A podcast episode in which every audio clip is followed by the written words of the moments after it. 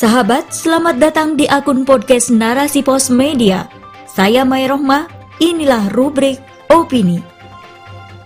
Kapitalisme menyengsarakan dorong PHK karyawan oleh Rahmi Ummu Asilah.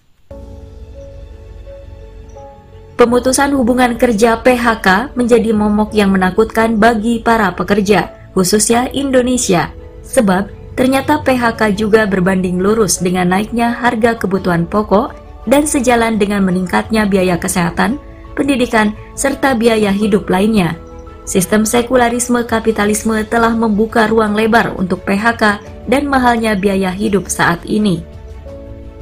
Dikutip dari Presiden Asosiasi Serikat Pekerja Indonesia Aspek, Mira Sumirat, kepada CNBC menyampaikan bahwa ratusan ribu tenaga kerja kontrak atau karyawan tidak tetap berpotensi untuk dilepas dan tidak diperpanjang masa kontraknya. Berbeda dengan tenaga kerja atau karyawan tetap yang lebih sulit dilepas karena ada sejumlah kewajiban yang menjadi kompensasi. Perusahaan saat ini selalu mengambil solusi PHK saat kondisi ekonomi dan persaingan bisnis mengalami ketidakstabilan. Hal ini membuktikan posisi buruh yang sangat lemah. Mereka direkrut serta di PHK sesuai kepentingan industri.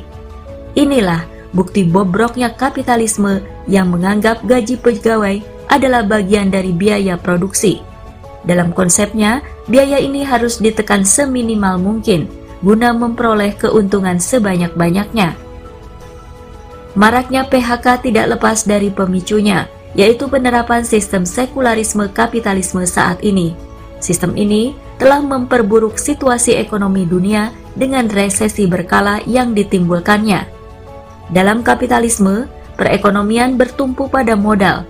Siapa pun yang memiliki modal akan mampu meraih keuntungan yang sebesar-besarnya tanpa mempedulikan rakyat yang menjadi korban PHK ketika hendak menyelamatkan perusahaannya.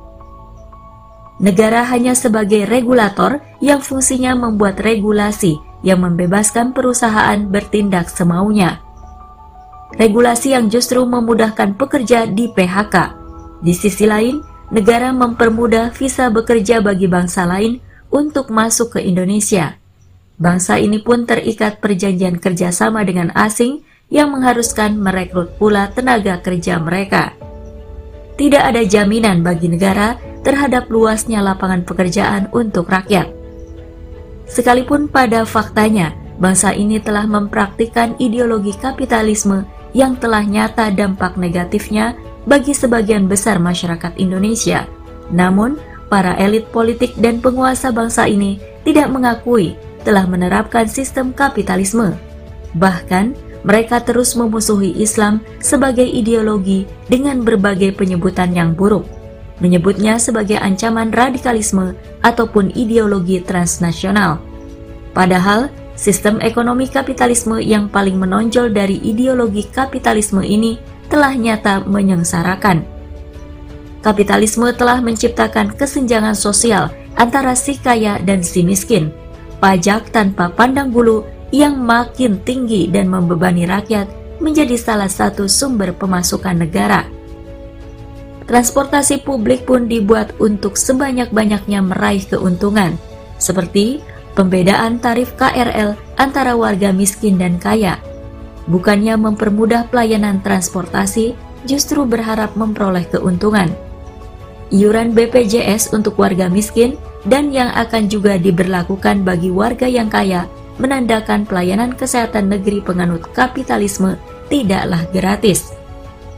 Gas LPG yang sejatinya adalah kepemilikan umum karena bahan baku disediakan oleh alam ciptaan Allah dibatasi pula penyebarannya. Sekalipun ini berlaku bagi gas LPG 3 kg, namun harusnya negaralah yang mengelolanya dan dipergunakan sebesar-besarnya untuk kemakmuran rakyat. Tidak boleh ada harga atasnya. Kesenjangan pendapatan juga dirasakan dalam sistem bobrok ini.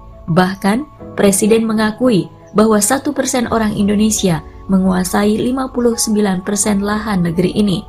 Batu bara yang seharusnya juga merupakan barang tambang kepemilikan umum dalam sistem Islam, akhirnya menjadi salah satu aset milik penguasa Lau Tuk Wong yang merupakan orang terkaya nomor satu Indonesia dengan kekayaan 378 triliun rupiah.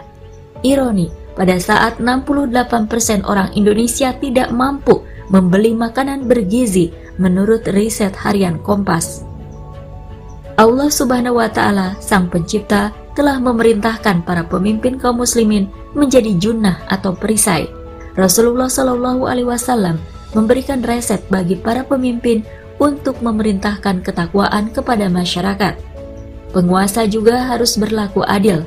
Rasulullah Shallallahu alaihi wasallam bersabda, yang artinya sesungguhnya imam atau khalifah adalah perisai. Orang-orang berperang di belakangnya dan menjadikannya pelindung. Jika ia memerintahkan ketakwaan kepada Allah dan berlaku adil, baginya terdapat pahala. Dan jika ia memerintahkan yang selainnya, maka ia harus bertanggung jawab atasnya. Hadis riwayat Muslim. Hadis ini sebenarnya berlaku untuk seluruh persoalan masyarakat, termasuk dalam persoalan tenaga kerja.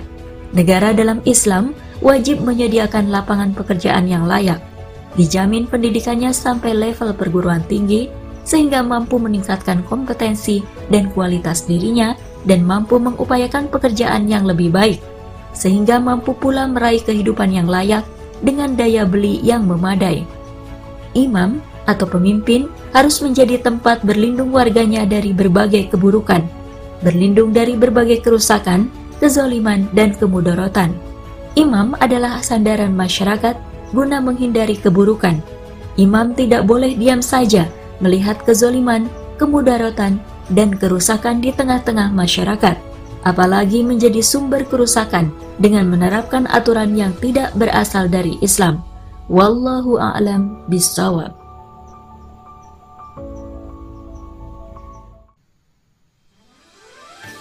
Sahabat, itulah opini kali ini. Konten ini bisa Anda baca secara gratis silahkan kunjungi www.narasipos.com. Terima kasih telah mendengarkan. Saya Maya Rohmah. Sampai jumpa di episode berikutnya.